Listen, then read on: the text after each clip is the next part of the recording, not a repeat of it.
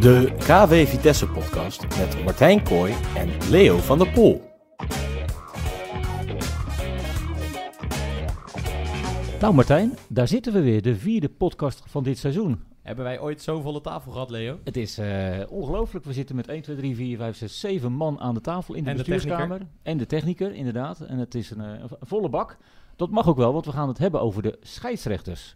Zeker weten. Een De- eh, behoorlijk, denk ik, onderbelichte groep binnen Vitesse. En daar moet eh, snel wat verandering in komen. Eh, dus een podcast voor de scheidsrechters werd de hoogste tijd. Het is sowieso een eh, bijzondere dag vandaag, de 25e maart. Ik denk dat bijzonder een understatement is. Want jij moet om 11 uur al spelen. Nou, dat is heel bijzonder. Ja, ja, ja, ik denk dat ik in mijn eh, seniorencarrière nog nooit zo vroeg Precies. uit mijn bed moest voor de wedstrijd.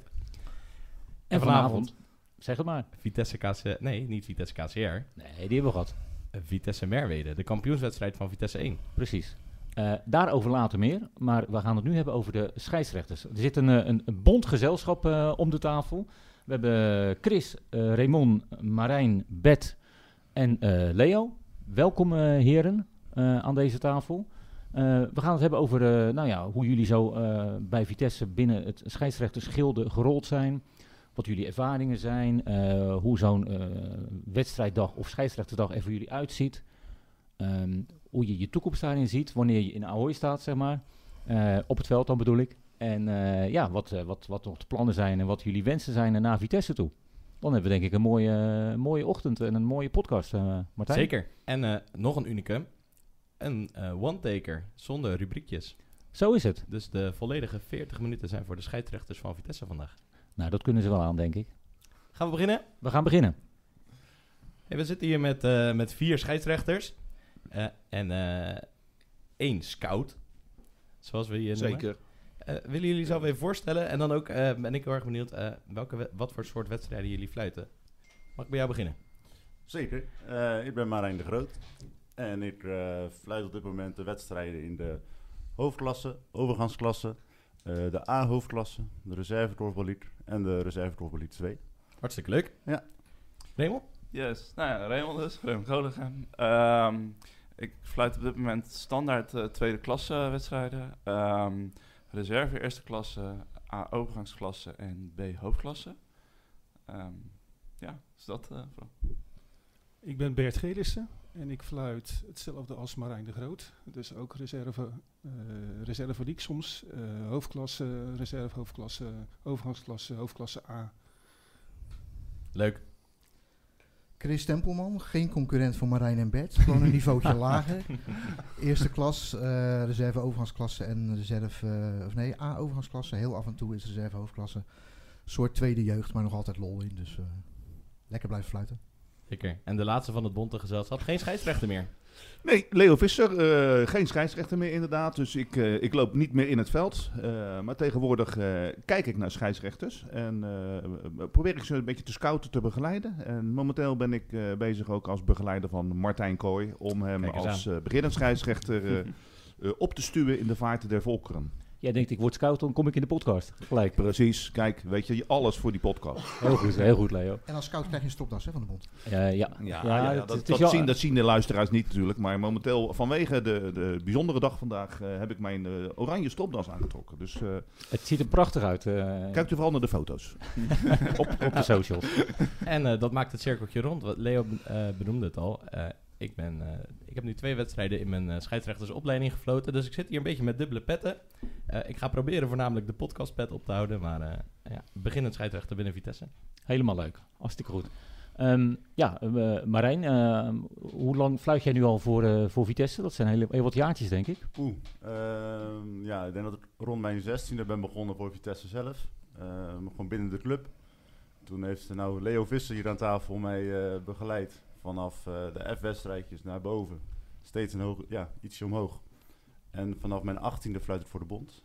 Vroeger natuurlijk gewoon gekorfbald hè, in, eh, in, dat de- in de jeugdjaren. Had je toen al het idee van, eh, ik wil daar iets mee? Ik, eh, ik, ik kan het zelf beter dan, eh, dan, dan die mannetjes en vrouwtjes die mij aan het fluiten zijn. Nou, nee ja, toen ik eh, een jaartje of 16 was, toen merkte ik wel dat het me interesseerde.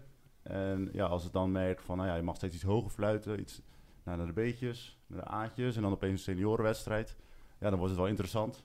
En uiteindelijk als je dan voor de bond fluit, dan merk je dat het, eh, of geval ik merkte dat Rood steeds stapjes ging maken. En ik werd opgepikt in een eh, begeleidingstraject. En toen ehm, dacht ik, ja, ga ik daar maar in verder. Want dat was eigenlijk meer mijn ambitie dan het spelen zelf. Het niveau, wat, het niveau wat ik nu fluit, dat zou ik nooit zelf gehaald hebben als speler, zeg maar. Je kan zomaar ooit te halen als scheidsrechter. Exact, precies. Ja, precies. Je, je noemt wel iets belangrijks, een be- begeleidingstraject. Ik denk dat dat wel belangrijk is eh, voor scheidsrechters die, die verderop, hogerop willen. Eh, dat die goede begeleiding krijgen. Kan jij daar iets over vertellen, Levens, hoe dat vanuit Ja. de bond geregeld is? Nou, tegenwoordig verandert er nogal wat bij de bond. eh, en er is ook heel wat veranderd. Eh, maar er zijn inderdaad tegenwoordig begeleidingstrajecten. ehm, en, ehm, en de manier waarop men begeleidt, maar ook eh, bijvoorbeeld scout. Ik ben dan nu scout geworden. Was, vroeger was dat beoordelaar. Hè, kreeg je dus een, een beoordelaar als scheidsrechter. En nou, dat deden dan de beoordeler. Maar tegenwoordig is dat scouting, waardoor de drempel wat minder hoog is geworden. Waardoor je als beoordeler scout wat makkelijker mensen kan begeleiden en beoordelen. Ehm, en ja, er is zeker mensen die talent hebben, worden, worden wat fanatieker begeleid dan ehm, zeg mensen die al heel lang eh, fluiten. En waar dan, ja, het klinkt een beetje negatief, geen toekomst in zit, maar dat is natuurlijk niet waar. Elke scheidsrechter is belangrijk. Ehm, maar de talenten krijgen dan wat extra aandacht. En, en dat in het geval van Marijn bijvoorbeeld heeft dat eh, zich wel uitbetaald. En ja, dat is gewoon een hele talentvolle scheidsrechter. En ja, door die begeleiding eh, is hij nu op dit niveau beland. Dus dat is, dat is prima. Dat, Hey Bert, jouw roots liggen niet eh, oorspronkelijk bij Vitesse, maar je fluit wel voor Vitesse. Hoe is dat gegaan? Klopt. Ik ben eh, vroeger altijd lid geweest van Sperwers. Ik heb ook hoog gespeeld op, in uh, overgangsklasseniveau als speler. En langzaamaan uh, daar, toen ik eenmaal uit het eerste was, lager gaan spelen. Op een gegeven moment, rond mijn 35ste, vond ik het wel goed geweest. En om te kijken van, jou, is er wat anders? Toen werd er gevraagd, zou je niet willen gaan fluiten? Dat deed ik wel voor de vereniging al, maar toen daadwerkelijk voor de bond ben ik dat al, toen ook gaan doen. En met, uh, met name ook wat, uh, wat Leo eerst zei en wat uh, Chris zei van, joh, moet je luisteren, kan je het dan beter als je in het veld staat als degene die jou komt, de wedstrijd komt leiden? Dat idee had ik dus ook.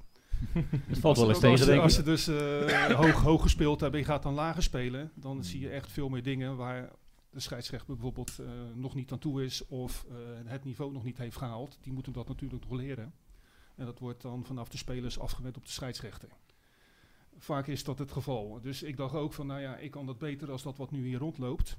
en vandaar ben ik dus het scheidsrechtersvak in uh, gerommeld. Snap ik. Toen ben ik na een aantal jaar ben ik hier bij Vitesse terechtgekomen omdat het wat rommelde bij de andere vereniging Sperwers. Ben je echt gescout naar Vitesse toe of ben je nee, zelf ben, binnenkomen uh, lopen? Ik heb zelf wat uh, informatie ingewonnen. En ook, uh, ik had bijvoorbeeld ook bij KCR kunnen gaan. Of uh, dat is ook een redelijk een vereniging die, die goed draait. Maar mijn liefde ging uit naar Vitesse. En dat ben ik ook heel goed ontvangen. Ook door Leo en door Bertel.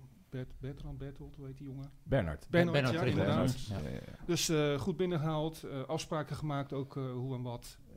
nou, dat is allemaal prima gegaan. En toen stond ik op het punt voor promotie. Dus naar groep 3. groep en toen was het naar groep 2. Maar toen hadden we op het begin hadden we piepvlaggen nodig en dergelijke. Goed, en dan moest je eerst nog een, een maatje zien te vinden die dat met je wilde doen.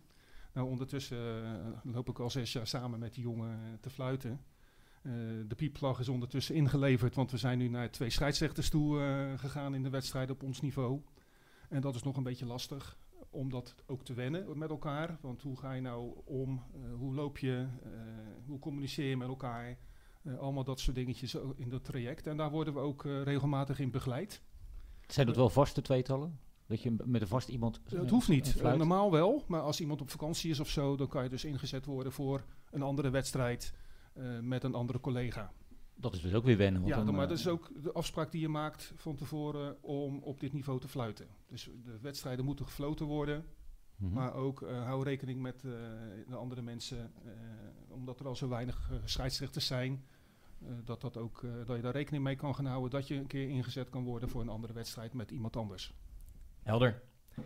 Chris, jij bent er even uit geweest. Ja, ik ben, uh, moet goed zeggen, 1996 heb ik mijn cursus gedaan. En ja, de naam die moeten we natuurlijk wel laten vallen, want ik heb cursus gehad van Ronald van Woensel. Kijk. Ik zie gelijk iedereen lachen. Dat mogen jullie zelf uitleggen. Nee, Ronald was natuurlijk een, eh, was een van de topscheidsrechters van Nederland in zijn tijd. Fenomeen. Fenomeen, hè? Ja, ik heb bij hem geleerd hoe je voordeel moet geven. Hij noemde het altijd vliegtuigen binnenhalen. dat doe ik nog elke week. Dan sta je met je handen ten hemel en dan eh, mag alles doorgaan. Nee, Ronald was een perfecte leermeester. Eh, ik ben toen ook, ik ben ook gaan fluiten omdat ik dacht dat ik het beter wist. Ik denk nog steeds dat ik het beter weet. Dus wat dat betreft is er niks veranderd. Eh, ja, altijd lol in gehad. Eh, ook ontwikkeld, ben tot aan overgangsklasse gekomen. Toen moest je met een assistent gaan fluiten en moest je soms in Friesland gaan fluiten. Ik werk veel in het weekend, dus dat was voor mij niet weggelegd. Dus toen ben ik op een gegeven moment gestopt. Ben ik gaan coachen. Eh, kinderen gekregen. Daar heb je ook geen tijd om te fluiten en te vlaggen, heb ik wel eens gehoord. Dus Marijn, pak je tijd. Neem, al- neem alles aan wat je niet kan. Er komt een moment dat het lastiger wordt. Alles op zijn tijd. Eh, toen ben ik gaan coachen, ben ik andere dingen gaan doen, ook een tijdje niks gedaan. En toen zijn mijn jongens hier bij Vitesse gekomen. Ja, toen dacht ik van, het is ook belangrijk om te fluiten voor de club, hè, dat weten we allemaal. We zitten hier, er zit een patiënt aan tafel, zou ik maar zeggen. We, we leveren goed en we doen goed ons best en eh, daar heeft Vitesse wat aan. Dat heb ik toen ook bij Marijn aangegeven. Ik wil wel een paar potjes gaan fluiten. En nou, langzamerhand heb ik daar weer lol in gekregen. Mocht ik weer wat hoger gaan fluiten, mocht ik weer richting mijn eigen niveau. De laatste twee jaar ben ik weer volledig elke week aan de bak, geloof ik. Zeg ik dat goed? Iets meer dan twee jaar. Die rare coronajaren gehad natuurlijk. Dit jaar mocht ik weer groep 3 fluiten. Dat is mijn niveau. En hoger ligt het ook niet, want dan moet ik weer met een assistent. En ik ben sowieso niet Dan zo... moet je weer naar Friesland. Ja, dat, nou ja, ik moet nu ook naar Koopstaandijk. Dat is ook bijna Friesland volgens mij. Maar op zich vind ik de afstand niet erg hoor. Als het allemaal te regelen is, dan kan het. Ik ben niet zo'n fan van, van, van duo's, moet ik heel eerlijk zeggen. Daar heb ik een beetje mijn bedenkingen bij. Dat heeft ook te maken met mijn eigen conservatisme eh, qua scheidsrechter. Ik bedoel, ik zie sommige duo's die het hartstikke goed doen, maar ik zie er te veel wat nog gewoon een probleem is. Ik denk dat Ronald Voens ook niet uit het duo... eh, Nee, Ronald zei die altijd. Ronald zei Nee. altijd op de cursus, hij floot toen met Gea. Hè? Gea was zijn assistente, Mhm, ja. eh, een van de weinige dames toen in het, Ja. eh, in het circuitje. Eh, Gea was voor hem perfect, want die vulde hem aan. Maar hij zei ons altijd op de cursus, ga nooit met een piel langs de lijn lopen. Heb ik altijd onthouden. Helemaal mooi. Raymond, eh, om het rijtje af te sluiten. Je bent natuurlijk ook een, een Vitesse-man eh, puur zang. Is, is jouw verhaal een beetje gelijk aan dat van Marijn? Eh gekorfbald, langzaamaan eh interesse gekregen in het fluiten en Ja. doorontwikkeld? Eh, wel met een kleine tussenpauze. Eh, want ik heb in de jeugd eh, eh, tot de A'tjes bij Vitesse gespeeld. En daar dus inderdaad ook eh, alle jeugdwedstrijdjes gefloten. Dus inderdaad, wat Marijn ook zei. Eerst de F'jes, dan de E'tjes, dan de D'tjes. Ehm, en daar had ik altijd wel, ehm, wel plezier in. Het vond ik wel leuk om daar... Ja, op dat niveau ben je echt nog eh, spelleider. En dan Mhm. krijg je een beetje de... eh, de kneepjes van het vak van hoe je nou erin om een beslissing te nemen bijvoorbeeld. Het spel echt stil te durven leggen. Ehm, en toen had ik na de A'tjes even een paar jaar helemaal geen korfbal. toen ben ik gaan studeren in Den Haag. Ehm, toen kwam ik weer terug gewoon in Barendrecht en ben ik ook weer gaan korfballen. En eigenlijk al redelijk snel merkte ik wel van, joh, ik vind het leuk om te spelen en daar haal ik sportief wel wat uit, maar Ehm, ook bij de wedstrijden die we als Mhm. team aangewezen kregen om te fluiten. eh, daar zaten dan ook ineens die seniorenwedstrijden tussen. En dat is wel een stuk leuker om te doen dan alle jeugdwedstrijden. Omdat dat ook wel eh, wat anders van je vraagt als, eh, als scheidsrechter. Ehm, en eigenlijk vanuit daar is doorgegroeid van joh, ehm, kan je dat ook buiten de club en hoe ziet dat traject eruit? Nou, en dan kom je dus inderdaad ook weer in een eh begeleidingstraject van zowel Leo als Bernhard.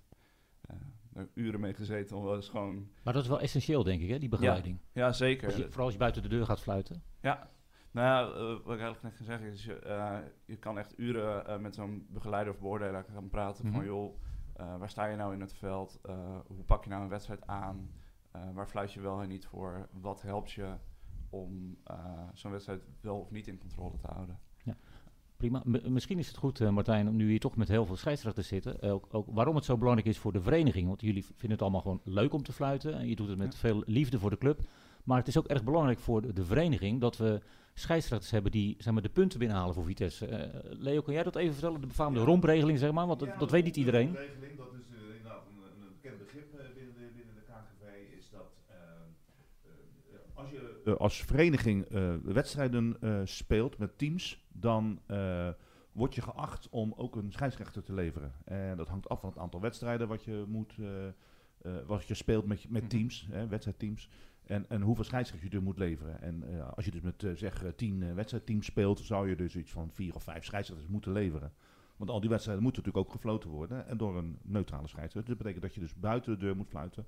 Nou, daar, daar is de romregeling voor. Op het moment dat de verenigingen daar niet aan kunnen voldoen, dan is er een bonus-malus-regeling. Waarbij als je dan te weinig wedstrijden fluit, dan krijg je dus een boete.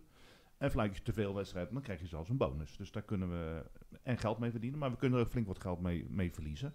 Ehm, en betekent misschien ook wel dat je bijvoorbeeld eh, wedstrijdpunten in mindering gaat krijgen op het moment dat je echt veel te weinig wedstrijden fluit.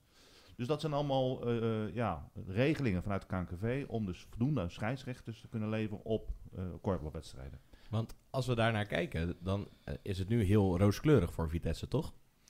Uh, we, we doen het niet slecht, maar we moeten altijd waakzaam blijven. Want er zijn altijd mensen die willen stoppen, uh, mensen die blessures krijgen. Uh, scheidsrechters praten we dan over, hè, die, die dus ja, op een gegeven moment misschien uitvallen om wat voor reden of geen zin meer hebben. En dat betekent dat je zo'n tekort, wat, je dan, wat dan ineens kan ontstaan, dat je dat dan moet opvullen. Want elke scheidsrechter is super belangrijk voor Vitesse, omdat we daar gewoon ja, onze, onze wedstrijden mee kunnen compenseren. Dus dat, dat is gewoon uitval van zo'n scheid is, is, gewoon, ja, is gewoon niet leuk. Nee. Hey, en uh, Marijn, jij bent ook voorzitter van de arbitragecommissie. Want we zitten hier natuurlijk met allemaal scheidsrechters, scouts. Maar de arbitragecommissie, die richt zich denk ik op dit soort onderwerpen. Uh, Jazeker. Dat is inderdaad wel iets wat, wat wij goed ehm, in beeld houden. En ook proberen in te blijven groeien. Ja, wat Leo zegt. je wil niet in een gat vallen als er, als er één iemand ehm, wilt stoppen met fluiten. Die ruimte moet natuurlijk zijn als je daar als het voor jou klaar is, zeg maar. Of ja, inderdaad bij een geval van blessure. Ja. ja. als je iemand hebt die wekelijks fluit, dan zijn er toch aardig wat wedstrijden in het seizoen die we gaan missen, zeg maar.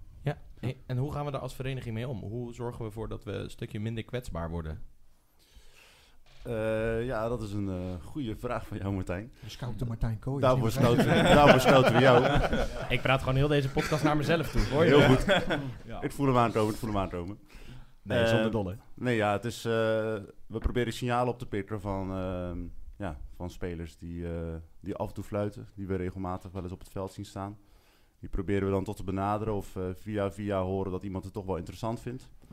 En um, ja, zo proberen we ze toch een beetje warm te maken voor, voor ons vak, zeg maar. Ja. Wat ik me ook bedenk is, als we goede spelers hebben van Vitesse, dan worden ze gescout door andere verenigingen. Dan zijn we ze kwijt, komen ze later wellicht weer een keer terug gebeurt dat op scheidsrechtersniveau ook. Dat, er, dat de scheidsrechters uh, nou ja, binnengeharkt worden of, of door andere verenigingen weggeplukt. Ja, er is wel eens sprake. Ik heb wel eens of is, gehoord, is dat tot dan? Ja, ja, ik heb wel eens gehoord dat inderdaad dat er wel verenigingen zijn die ook geld bieden. Hè, want nogmaals, er zit uh, mm -hmm. bonus malus. Zit, het is natuurlijk best wel een interessant uh, verdienmodel. Uh, dat, dat ze scheidsrechters inkochten. En dan kocht je voor, kon je voor, weet ik het, een paar tientjes, kon je dan een wedstrijd fluiten voor, weet ik het, een of andere club. Met name de grotere clubs, hè, die echt moeten voldoen aan hun verplichtingen. en dat zelf niet, niet lukt eigenlijk. zeker, die hebben veel PKC, Fortuna, dat soort dingen. Maar worden, worden, jullie ook wel eens benaderd, of niet, door andere clubs in, in, in, in duistere, rokerige cafeetjes van, uh, om, om contracten te tekenen? En, uh, nou, toevallig ben ik uh, een tijdje terug wel benaderd voor, inderdaad voor, voor, een andere club. Ja, wel, ja, puur omdat ze tekort komen en toch aan hun hun regeling willen komen. Ik zie Leo Visser nu weer het wegtrekken van... Uh... Nee hoor, nee hoor, ik heb uh, binnenkort een afspraak in de Japjum, dus dat... Staat hij nog? Ja, zeker. Ja, ja, ja. Maar nee, nee serieus, je bent, ja, je, je, je bent, wel, je ja, bent wel benaderd. Ja, ik ben wel benaderd, maar ik ben er niet eens mee om tafel gegaan. Ik, uh, nee, ik, ja, bij mij ligt gewoon mijn Vitesse, uh, mijn Vitesse waar ik gewoon opgegroeid ben. Dus voor mij zou het niet... Um, ja, maar het, het goed voelen om ergens naartoe te gaan. Het bestaat wel. En het, het bestaat wel. Het bestaat wel dat ze... Ja, het is gewoon een hoop geld, zeg maar. Er zijn flinke boetes die, uh, je ziet, die dat so, je ziet dat sommige verenigingen het inderdaad op die manier proberen. Je hebt ook grote verenigingen die hebben gewoon een sponsor die garant staat voor tekort. Ja, dat kan ook. Dat gebeurt ook. Dan denken ze van, nou oké, okay, we hebben te weinig. Dan moeten ze wel die strafpunten, wat Leo net ook zei, die wedstrijdpunten in mindering accepteren. Maar ze betalen via een sponsor, betalen ze het gewoon af. En dat is natuurlijk wel een slechte zaak. Je moet ook gewoon je verantwoordelijkheid voelen als vereniging. En misschien al een leuke promotie. Martijn, ik ga jou nu een vraag stellen. Want uh, je, uh, niet als podcast uh, leiden, maar als scheidsrechter in, in, in, in opleiding, zou ik maar zeggen. Mm -hmm. Een SIO. Um, jij vindt het leuk. Zeker. jij wordt begeleid. Um, wat kan jij nu als, als mooie promotie zeggen voor andere mensen die nu luisteren? Joh, ga het ook doen. Ga het proberen. Het is, het is leuk. Je haalt de voldoening uit. En je helpt de club. Snap je, ik. je hebt nu one minute of fame voor jou. Ik ga één minuut kletsen. nee, ik denk uh, waar het bij mij allemaal begon, is uh, dat het een super mooie manier is om de club te helpen. Ik fluit binnen Vitesse best wel wat wedstrijden. Uh, veel mensen weten me ook te vinden als de seniorenwedstrijden van Vitesse zelf. gefloten moeten worden. Daar had ik lol in, dat vond ik leuk om te doen. En toen dacht ik, waarom doe ik dat niet buiten de deur? Het is voor mij echt geen moeite om naar KCR te rijden, om naar RWA te rijden, om daar een pot te doen. Eén, we hebben daar als Vitesse enorm veel baat bij. Twee, je fluit toch je wedstrijd. Dus of daar nou 10 minuten meer reisafstand tussen zit, dat was voor mij geen beperking. Eh, en drie, de waardering die je zelf voelt als er een bondscheidsrechter op je wedstrijd zit en die goed geleid wordt, is gewoon heel prettig. Dus met al die voordelen dacht ik, dit ga ik gewoon doen voor Vitesse. Eh, ik denk de grootste belemmering die heel veel mensen voelen is dat er iedere week gefloten moet worden. Daar kan ik je uit de dromen helpen. Je kan gewoon één keer per maand, één keer in de twee maanden. Eh, je moet niet te hoog gaan fluiten, dan wordt het een wekelijkse verplichting. Maar als je de, de lagere kla- wedstrijdklasses fluit, dan mag je dat zelf eh, indelen. En dus ook zelf bekijken binnen het eh, wedstrijdportaal wat werkt. Dus heel laagdrempelig instappen, kijken of je het leuk vindt en dan gaan. Ja, zeker. Kijk, over 20 jaar fluit ik de Korfbal League finale. Kijk, de eerste eh, is al binnen, over 20 jaar. Ik, Maar- ik, ik hoop dat de mensen aan tafel zitten die hem eerder gaan fluiten, maar In your dreams.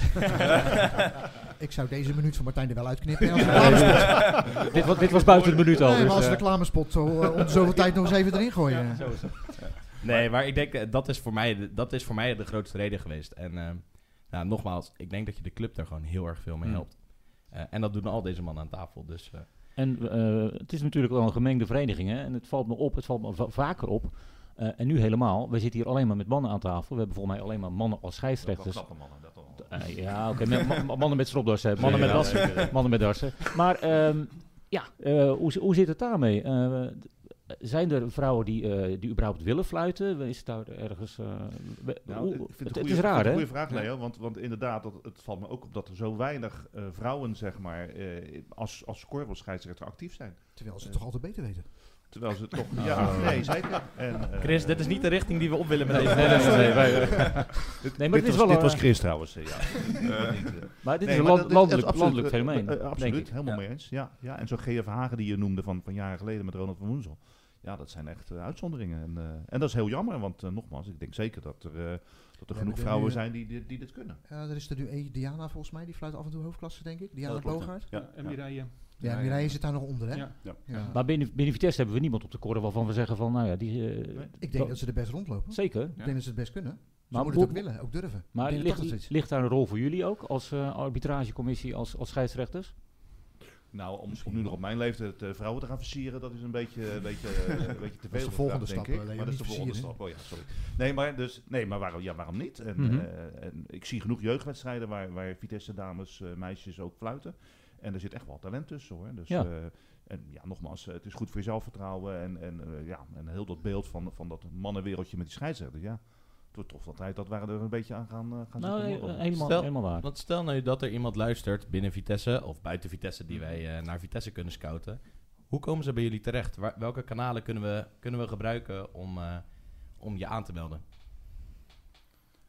Ja, eigenlijk het meest eh, gangbaar is gewoon zorg dat je met een, een berichtje een keertje even met iemand te praten. Dat, dat vindt eigenlijk altijd wel zijn weg. Ehm, wat ik eigenlijk altijd wel heb gemerkt binnen de club is dat, ehm, eh, dat bijvoorbeeld stel je eh, laat het een keertje vallen achter de bar, dat het dan toch nog een keertje via via dat het wel eh eh terechtkomt. Zeg van joh, ga eens in gesprek samen of eh, ja, of stuur een appje of bel even of nou, jullie hebben een mailen kan, E-mailadres, ja, Ja, zeker. eh noem het even. arbitrage.kvvitesse.nl Ehm nee, dus daarom. Dus dat vindt allemaal wel zijn weg. Ehm, het belangrijkste is denk ik wel dat je dat begint met die wil. Ehm, dus inderdaad, dat als je nu eh, je groep voelt om een keertje in gesprek te gaan, wat zijn de mogelijkheden?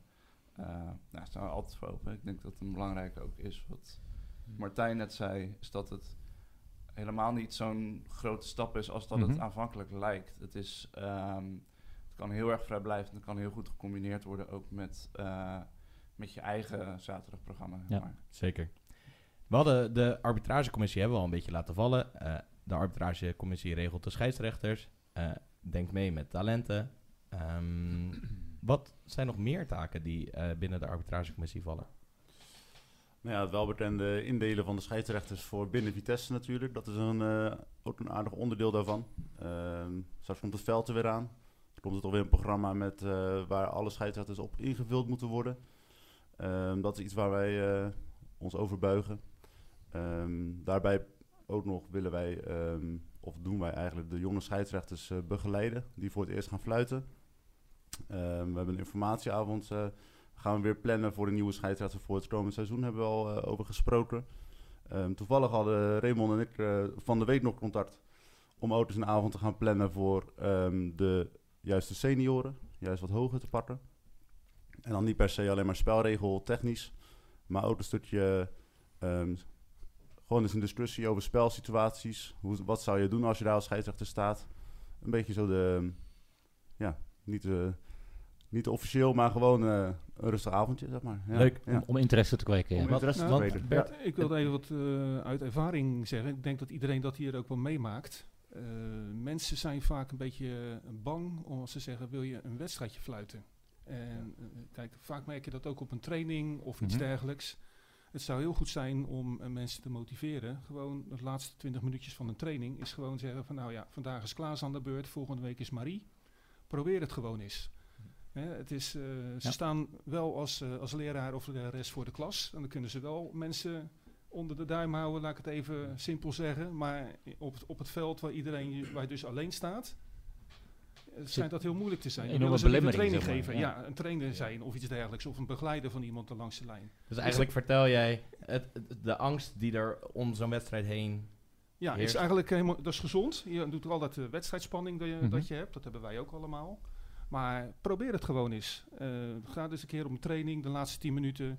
Kijk, ik fluit ook als ik train met 3, 4. De laatste 20 minuten sta ik als scheidsrechter te fluiten. Omdat de mensen dat prettig vinden. Mhm. Ze kunnen gewoon een partijtje doen. Maar het kan ook zijn dat bijvoorbeeld jij, Martijn, zelf eens een keer, eh, ik noem maar wat, gaat fluiten. Of dat een andere iemand van 3, 4 dat is probeer. Ze fluiten wel vaak eh, de B of de C. En dan vinden ze het al eng. Hè, dat is Mhm. eigenlijk, maar probeer het gewoon eens. Ja. Dat is, eh, Even iets anders. Eh, Bert, jij, jij fluit, eh, wat je zegt, best wel hoog voor Vitesse. Je fluit in, in, in, in duo's. Hè. Neem ons eens mee op zo'n wedstrijddag. Eh, bedoel, wanneer krijg jij bijvoorbeeld het programma van, de- van, van de zaterdag erop? Weet je dat al van weken van tevoren? ja, en hoe zit meestal, al- meestal een week, twee weken van tevoren, soms ook op het laatste moment. Maar vaak is het al bekend dat je twee, drie wedstrijden ingepland staat. En hoe, hoe ziet zo'n dag eruit? Heb je in de week ervoor met je, met je, met je nou ja, scheidsrechtspartner daar contact over? Of ga je eerder eh, daar naartoe en dan spreek je in de wedstrijd met elkaar door? Hoe, hoe werkt dat? Ehm, hoe het voor mij werkt. eh, ik krijg een wedstrijd door. Eh, ik kijk sowieso altijd van joh, hoe is de stand op, de, op, de, op Mhm. de ranglijst. Dat kan je gewoon via Sportlink Ja. en via de app kan je dat nakijken. Welke belangen er spelen eventueel. Bijvoorbeeld hebben mensen nog punten nodig om per se een wedstrijd te winnen om veilig te staan. Mhm. Eh, daarna kijk ik dus de uitslagen van wat hebben ze gedaan bij de vorige, of wat hebben ze verleden jaar erbij gedaan. Want elk jaar kan het team natuurlijk ook veranderd zijn. Nou, dan werk je langzaam naar zo'n dag toe. Op de, op de zaterdag moeten wij vaak ja, door half het land heen, of naar Zeeland, of naar eh, Amsterdam, of naar Groningen, weet ik het waar. Dat is, gewoon, meestal is het een kilometer of 50 tot 70 Mhm. in, dat, in die omstreken dat je moet reizen. En dan bereid je je voor erop. eh, samen met mijn collega hebben we wel erover, joh, heb je dit gezien? We kijken ook wedstrijden na, die we zelf ook gefloten hebben. Alleen maar om de fouten eruit te halen van, joh, had ik misschien anders kunnen opstellen, zodat ik het beter had kunnen zien. Heb je daar zelf camera's voor bij of is dat via de livestream nee, van de via de vereniging? livestream van eh, eh, Team TV heet dat tegenwoordig. Mhm. Waar je dus de wedstrijden Ja. Terug kan kijken die je zelf gefloten hebt, die opgenomen zijn. Mhm. Maar wat ik ook doe is eh, op zondag eh één of twee league-wedstrijden kijken via Icons. En dan eh, kijk ik ook vaak bijvoorbeeld hoe, eh hoe Stan de Groot of Peter van der Terp of nou ja, er lopen er nog een aantal rond. Dan pak ik gewoon de ene keer pak ik de, de- een Mhm. wedstrijd, dan kijk ik vol, en daarna kijk ik een andere wedstrijd. Gewoon puur hoe de scheidsrechters acteren of hoe ze lopen. Vooral ook het voordeel geven wat Chris ook zei. Wanneer eh, moet je iets doen of niet doen? Of hoe voel je de wedstrijd aan? Of dat soort dingen allemaal. Dus er gaat best veel tijd in zitten. Nou zeker, dat de gemiddelde Vitesse-lid daar geen, geen idee van heeft. Denk je, je pakt je tasje, je stapt in de auto en je, je gaat weer terug naar huis en that's it. Ja, dus niet op, eh, tenminste niet zo als je op hogere niveau Nee. eh, speelt. ehm, denk ik dat er echt wel van je verwacht wordt dat je even wat weet wat er speelt op het moment dat je daar bent. Het is niet zo Je komt eraan en je gaat een wedstrijdje Precies. fluiten. Ja, dat Mhm. is natuurlijk, je gaat wel een wedstrijd essentie fluiten, is dat het. maar je moet wel weten of er bepaalde belangen spelen of niet. Ja, dat is ook terecht, denk ik. Hè. Als je ziet dat ploegen zich ook daar eh, twee, drie, vier keer per week mee bezighouden, mogen ze het ook van de scheidsrechter verwachten. Dat Ja, vind ik, wel, eh, Ja. vind ik wel. En ik denk dat, me, dat jij dat ook doet, eh Marijn. Ja, dat klopt. Ja, je hebt wel van tevoren dat je je goed eh bereidt wat voor wedstrijd heb je. Net als dat zij inderdaad zich voorbereiden op de tegenstander. En misschien ook wel op de scheidsrechter Ja, die ze- zeker die ze weten. Ze weten ook alles van Zij ons. weten eh, heus wel ja. natuurlijk wel dat de scheidsrechter er komt. Ja. Hebben wij dat andersom. En eh, soms krijgen we ook wedstrijden terug van, ehm, van de wedstrijd ervoor. Wat ze ervoor gespeeld hebben de week ervoor op Team TV. Een mooi systeem dat je gewoon alles kan terugkrijgen van binnen onze pool, zeg maar, waar wij fluiten. Dus dat, is, eh, dat helpt Als, zeker. als je, Ja. als je kor- zelf kort- als je speelt, dan heb je of gewonnen of verloren of gelijk gespeeld. En je hebt een, nou, als, je, als je wint ben je meestal wat, wat blijer dan andersom. Als scheidsrechter is dat natuurlijk anders. Je hebt natuurlijk wedstrijden waarvan je weet, ik zit er goed in. En, de, en na afloop ben je heel erg eh, Mhm. tevreden. Ehm, je hebt ook wedstrijden waarvan je weet, nou, de- de- deze moet ik snel vergeten. Hoe, hoe, hoe werkt dat bij jullie? Hoe, eh, hoe, hoe, hoe zit je daarin? Nou ja, dat, dat vind ik wel bij mij wel een, ehm, ja, het, het voordeel dat je met z'n tweeën bent. Je kan daar gewoon over praten. En wat, wat Ja. Bert zegt, Je ja, soms, rij je, ja. soms rij je naar Friesland of naar Zeeland of, ja, of dichterbij. Maar toch kan je met elkaar even be- besparren van ja, nou ja, hoe, hoe zat jij erin? Eh, wat was jouw gevoel? En, ehm, Het kan ook Ja. zijn dat jij in voordeel bent en je collega niet. Of, of, dat of kan, andersom. Zeker. Ja, dat je zegt van nou, het zat wel lekker in. En de ander zegt ja, ik, eh, ik voelde hem niet helemaal vandaag. Of, eh, Merk je, voel, merk je dat ook aan elkaar? Ja. Dat je elkaar over de, Ja. er- er- eroverheen moet helpen? Kijk, als iemand bijvoorbeeld een, eh, een eh, ik noem maar wat, Chris zei al, als je kinderen hebt en je hebt een ziek kind gehad en je moet, eh, ben heel de week ben je met eh, je gezin bezig geweest en je hebt weinig tijd gehad om je voorbereiding te hebben of nog een keertje overgewerkt de dag ervoor en zaterdag moet je nog even naar de apotheek, dan ben, dan ben je al niet helemaal, zit je niet lekker in je vel. En Hm. eh, kijk, we hebben natuurlijk nu hebben we communicatie met elkaar via de oortjes en dan kan je elkaar ook oppeppen.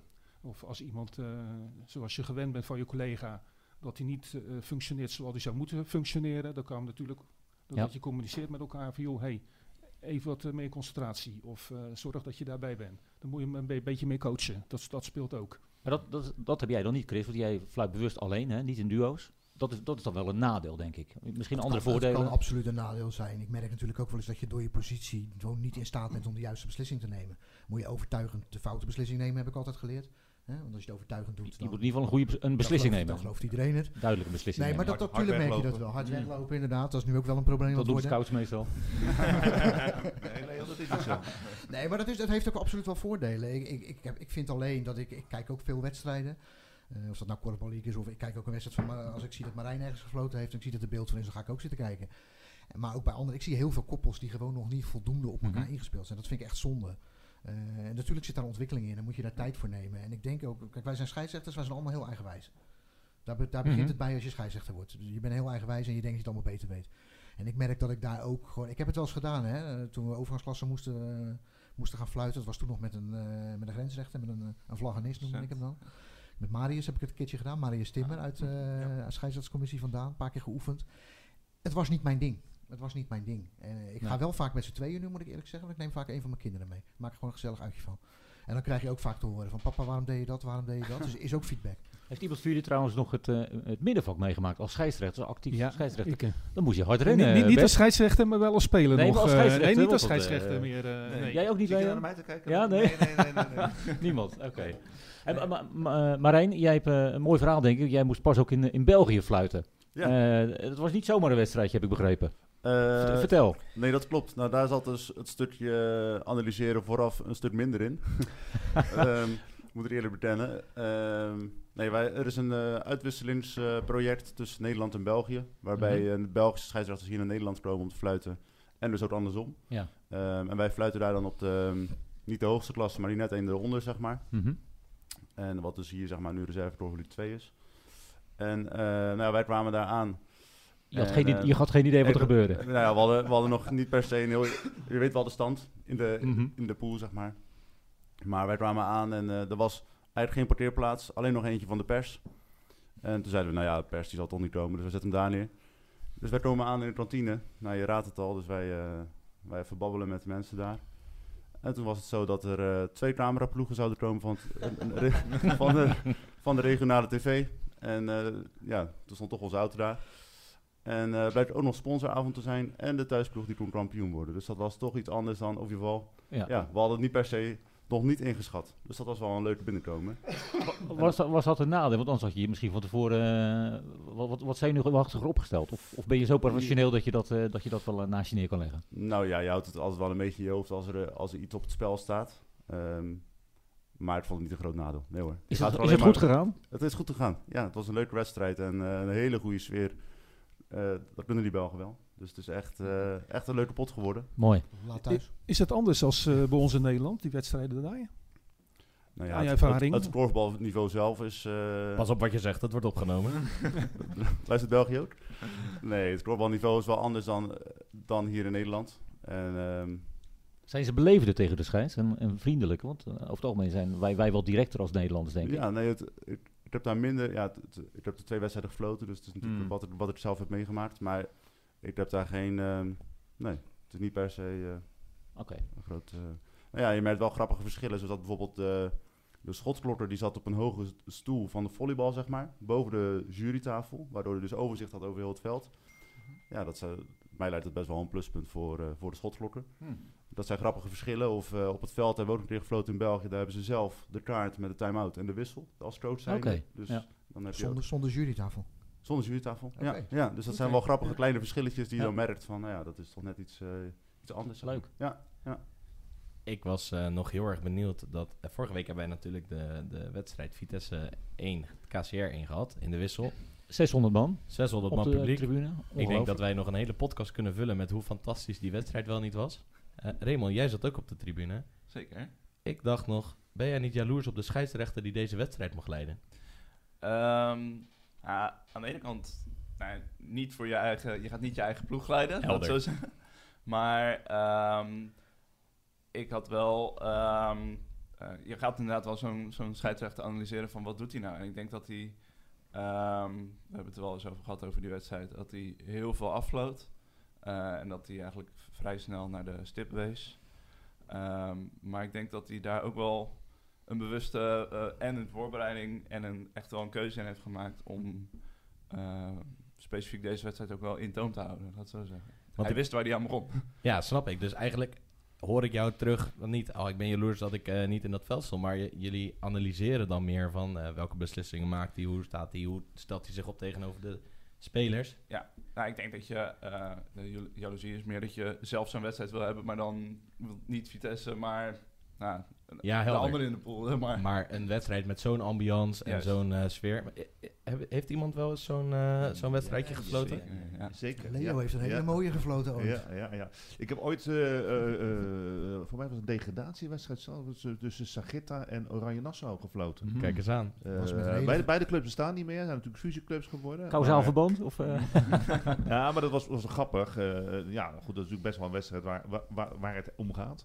Zeker. En eh, eh, was in de Wionhal en dat was helemaal vol. Echt eh, Met een hele zenuwachtige Sagitta-coach. met een hele zenuwachtige rittencoach. En, en, eh, ja, en voordat die wedstrijd begon, dan eh, ook confetti, maar dan echt onwijs veel confetti. Dat heel die zaal zat vol met slierten. En die moesten dus eerst eh, verwijderd worden. En, en, en daarna dan de wedstrijd zelf. En ja, dat werd een verlenging en voor mij zelfs Mm. strafworpen. Eh, en dat je, je hebt er alles eh, uitgehaald. Ja, ja, ik denk, ja, nou, daar moet ik van genieten ook. Dus eh, nee, nee, maar dat was echt wel een eh, super, super toffe wedstrijd. je zegt, is jaren geleden, maar dat zijn wel de hoogtepunten. Dat blijft ja, je altijd dat bij. vergeet zoiets. je nooit. Vergeet Nee. je nooit. Zelfs Chris weet het nog. Dus, eh, Ik zat langs de kant. ja, precies. ja. En Nee, ik, maar dat en zijn- ik dat verloor zijn- En ik verloor. Als scheidsrechter heb je daar wel een, eh, ja, daar daar heb je gewoon een heel goed gevoel bij. En dan zeker als het dan lekker gaat en, en je gewoon een prima pot fluit, dan, dan geeft dat echt wel een, eh, een kick. Daar zit, daar, Eh, zit, daar zit trouwens nog wel een aardig verhaaltje bij. Leo was toen scheidsrechter, ik was coach Mhm. van Sagitta. Zenuwachtig. Ja, nee, ja, gewoon een spannend, eh, hè, mooie wedstrijd. maar wij waren heel erg gefocust vooraf op de opstelling. Wie tegen wie, die moest je van tevoren inleveren. Dus dan moest je, een, Klopt, of dat was toen nog echt op een briefje en dan Ja, opschrijven ja. wie aanval Ja. verdedigt. Dat moest je dan aan Leo in dit geval geven. Ja. Maar ik had tegen mijn teambegeleidster gezegd, zeg, zorg nou dat je eerst even dat briefje van de tegenstander ziet. Want ik wil weten wie, tegen, wie ik tegen, in dit geval Edwin Jansen, had Ja. staan. Dus Leo die zat het briefje te bekijken en zij stond te schuin achter. Zo. Ik zeg, weet je het? Ja, ik heb het gezien. Toen hebben wij ons briefje ingeleverd, want we hadden er twee. Dat heeft niet geholpen, dus kan ik nu makkelijk zeggen. Ja, ja. Nee, nee, nee, nee. Edwin was wel redelijk kon stoppen. Niet stoppen die, die wedstrijd. Nee, nee. Maar goed, maar, maar dat zijn dat zijn net leuke details. Ja, dat zijn de mooie ingrediënten. En als Eh, scheidsrechter is dat zo eh, leuk om mee te maken. Ja. Iemand anders nog een, een, een verhaal eh, uit, eh, uit jullie geschiedenis? Nou, ik wil daar wel een vraag over stellen. Want Mhm. eh, kaarten in het korfbal zijn niet super gebruikelijk. Eh, zeker op het laagste niveau, eh, lagere niveaus eh, minder. Tenminste, als ik de wedstrijden van Vitesse zie, worden daar erg weinig kaarten getrokken. Maar wat is nu een situatie waarin je echt een, een, een kaart hebt getrokken die je nog bij is gebleven? Ik had er dit seizoen eentje op het veld bij toevallig Merwede, tegen Merwede, Tilburg. Jongen die zich opstelde voor een vrije bal, waarbij je de adrenaline in zijn ogen zag van nu zal ik hem eens even pakken. Kwam van achteren op de speler en sloeg echt bewust op het hoofd van die speler in plaats van dat hij een bal wilde blokken. Ja, dat moet je wel. Wordt het dan ook gelijk geaccepteerd? Of, eh? Ja, in dit geval wel. Ja, ja. De coach wist niet hoe snel hij een time-out moest nemen om dan even de speler toe te spreken. En dan heb je voor jezelf ook wel zoiets van, oh, volgens mij heb ik dit wel goed gedaan. Bert, jij nog bizarre situaties? Nee, de meeste dingen waar, eh, waar je vaak, bij ons in het geval, een, eh, een gele kaart voor geeft. Eh, of- ik heb nog geen groene kaart, want die wordt alleen in de, in de league gebruikt. eh, dat is dan vijf minuten dat je eruit moet, gewisseld moet worden. En een gele kaart is dan weer een, een geldboete. Ik weet niet of een groene kaart ook een geldboete is, dat moet ik nog een keertje navragen, maar het is bij mij niet bekend. Ik zie geknik aan tafel, dus denk het niet. Maar een gele kaart, ja. Commentaar als je twee of drie keer gewaarschuwd hebt. Dat kan een keertje. Of eh, met ziektes gaan eh, vloeken. Dat soort dingen. Mhm. Je waarschuwt een keer en een tweede keer moet je gewoon optreden. Want anders blijven ze aan de gang gaan. En dat weet gelijk ook iedereen. Eh, ballen weggooien, bijvoorbeeld met de wissel. Of is gelijk... zaken die ja, niet moet doen. niet meer doen. Kets. Heel goed. Doe je dat niet, dan lopen ze op een gegeven moment gaan ze steeds meer proberen met je. En dan, word- dan heb je wel eens kans, bijvoorbeeld met overtreding ook, dat het een rugbywedstrijd kan worden. Mhm. En dat wil je echt niet hebben. Ja, over dat zeuren wil ik ook nog wel wat zeggen. Want, want eh, heel vaak eh, ja, een beetje frustratie eh, Ja. kan, komt wel eens in een wedstrijd voor. Ehm, en als spelers dan echt door blijven zeuren tegen een scheidsrechter. Die scheidsrechter gaat niet beter fluiten, ook niet anders. Niet in jouw voordeel, in tegendeel zelfs. En als je dan maar door blijft gaan, dan krijg je op een gegeven moment krijg je dan een gele kaart. En daar, zijn, daar zijn zoveel voorbeelden van dat ik dat meegemaakt heb. Mhm. Dat, dat er dan mensen gewoon door blijven zeuren. Van, eh, en dan op een gegeven moment is dat bij die scheidsrechter ook Is klaar. houdt het op, klaar. En dan krijg je dus geel. En dat is ont- ontzettend dom, want als je een beetje eh, weet hoe mensen in elkaar zitten, dan weet je dat dat gewoon niet werkt. En ehm nou, Helder. Chris, tip. Chris, ik was nog benieuwd. In de Italiaanse competitie is volgens mij van het weekend de eerste witte kaart gegeven. Heb ik dat op de Portugese competitie? Carta Bianca. Het, het, het, was, een, eh, het was een kaart voor eh, positiviteit. Voor positiviteit. Hebben wij die in het korfbal nodig? Nee, ik denk als je allemaal gewoon normaal doet, dat je daar geen kaarten voor nodig hebt. En dat geldt ook voor de gele en de rode kaart. Als je gewoon normaal met elkaar kan communiceren, Ja. eh, dan denk ik dat je heel veel gewonnen hebt. Ik denk dat communiceren sowieso voor een scheidsrechter gewoon heel erg belangrijk is richting spelers. Weten ze waar ze aan toe zijn. Af en toe moet je wat kunnen hebben, maar inderdaad, wat Leo zegt, niet te ver gaan. Wat ik wel opvallend vind, is dat volgens mij in de korfballerij de- veel kaarten voor praten worden gegeven en te weinig voor echt harde overtredingen. Valt mij altijd op. Te weinig. Mhm. Te weinig voor harde overtredingen. Als echt ruw spel, agressief spel, dan wordt het vaak nog een beetje weggewaaid van niet meer doen en de volgende keer een beetje uitkijken. Terwijl daar, zeker op jullie niveau en ook op mijn niveau, eigenlijk op ieder niveau, echt wel hele bewuste dingen bij zitten. En dat mis ik nog wel eens in het, eh, in het kaartenbeleid. Ik zeg niet dat we allemaal kaarten moeten gaan geven voor dat soort dingen, maar ik vind die balans soms een beetje eh, de verkeerde kant Ik op. ben het daar helemaal met je eens, eh? Chris. Eh, wij hebben namelijk, we hebben nu twee bijeenkomsten gehad hè, in Zeist. Waarbij eh topscheidsrechter Peter van der Terp heeft eh, daarin met beelden lesgegeven, tenminste een voordracht gegeven hoe we bepaalde zaken, bijvoorbeeld op overtredingen, wel of niet eh, moeten bestraffen of niet. Mhm. Nou gaan we in het nieuwe scheidsrechter eh, tijdperk ervan uit dat we proberen zoveel mogelijk door te laten gaan. Dus het voordeel eh, om het spel sneller te laten maken. Ik zie Chris heel vrolijk kijken ineens. Maar het, Nou ja, ik vind het een aandachtspunt. Ik vind het heel goed dat ze daar aandacht aan ja, besteden. alleen het, het werkt niet altijd. Eh, wanneer is nou, en komt het weer met voer je de wedstrijd aan of niet. Want vaak eh, staat er één te duwen en als hij dan de bal tegenkrijgt, is hij ja, maar ik doe niks. Hè, dat zeggen we allemaal. eh. Ja. Nou, dat soort dingen, om daar een goede balans tussen te vinden. En daarom is die communicatie ook zo belangrijk. En het gelijk voor alles duidelijk optreden eh, naar die gasten Mhm. toe, zodat ze ook weten. En het is wat ook lastig. Hè? In de hoofdklasse mogen ze een groene kaart geven, wat jij net al gaf. voor- als voorbeeld aangaf dat je even vijf minuten eruit moet. Kunnen wij niet. Nee, Nee. dat klopt. Het, bij ons is niks of geel. Daar zit niks tussen. Maar wat ik ook vind is dat eh, de lagere teams eh, vaak heel vaak kijken naar eh, de league en de hoofdklasse. Mhm. En dan het proberen na te doen. Dus met name. En dat, ja, terwijl ze dat gewoon eh, fysiek en mentaal ook niet kunnen. Nee. Ze denken allemaal dat ze Olaf van Wijngaarden zijn. Ja. En, dan, en dus alles mogen. We kunnen, Martijn, we kunnen nog uren doorpraten met deze man. Eh, Fantastische Zeker verhalen. en, zeker eh, weten. en, en- en prachtig. Ik, ik heb nog wel één, voordat we afsluiten, eh, nog wel één, één dingetje wat, wat ik graag wil weten. De ontvangst, als jullie bij een andere vereniging kom- ko- komen, die ontvangst zal overal anders zijn. Zeker. Ehm, zeker. en heb je ook nog, maar uit jullie ervaring kan je ook nog eh, naar, naar Vitesse brengen. Wat moet Vitesse goed doen om scheidsrechters op een keurige manier te ontvangen? Zit daar nog een aspect in? Nou, ik kan wel een klein dingetje over vertellen. Niet al te lang, eh, we hebben Nee, niet veel tijd. maar, eh, Chris? Ik zou het in één zin, ik zou het in één zin, in één zin samen willen vatten. La- Laten wij het niet zo doen als Rehorst. Ik was vorige week bij Rehorst, toen vroeg ik om een, een glaasje water. Ik denk dat is misschien wel... Ja, dan moet je in de kantine zijn, kreeg ik als opmerking. Nou, dat was dus niet... eh, in de rust kreeg ik nog niks. Toen kreeg ik een muntje in mijn handen gedrukt van gaat maar halen. Nou, laten we dat, dat nou vooral niet doen. En laten we scheidsrechters gewoon ontvangen, wat te drinken bieden, een praatje maken, wat te eten geven. Maar dat doen we denk ik ook wel Dat doen redelijk wij goed, volgens mij hartstikke goed. Ja. ja, Af en toe polst het wel bij scheidsrechters van, hé, eh, je hebt gefloten bij ons, Ja. eh, hoe was het daar? Ja, En er wordt alleen maar verhalen, begeleiden, wordt goed ontvangst. Prima. Doen het niet, ja, niet zelf. ja. Laten we daar trots op zijn. Mooi om mee af te sluiten, Martijn. En als het niet zo is, horen we het graag natuurlijk. Ja. Zeker. Ja, superleuke aflevering weer, denk ik. Eh, we zijn, eh, het, het programma op Vitesse gaat door. Het wordt een mooie, lange, eh, historische dag in de eh, annalen van deze vereniging. kunnen famous last words zijn, eh, Leo. Eh, Zeker. Mannen, wat staat er vandaag op het programma? Wat fluiten jullie vandaag? Eh, ik ga vanavond eh, naar OZC, eh, het eerste. Kijk eens aan. Marijn? Pernix 1, GTV 1. Kijk. Bert? Ik ben vrij eh, vandaag, maar ik moet wel straks naar, met een collega naar Zeeland, want die gaat de wedstrijd fluiten. En die vroeg of ik, eh, omdat ik vrij was, of ik hem wilde begeleiden. Leuk. Kijk aan. Dus ook op je vrije dag gewoon Ook- nog eh buffelen. dag, Bert, ja. helemaal goed. Dan, Bert eh, solliciteert naar de functie van Leo als scout. Als En, dan volgende week heb ik weer eh, de, ja, de laatste wedstrijd van het seizoen is dat, hè? Van de, eh, ja, ja, ja.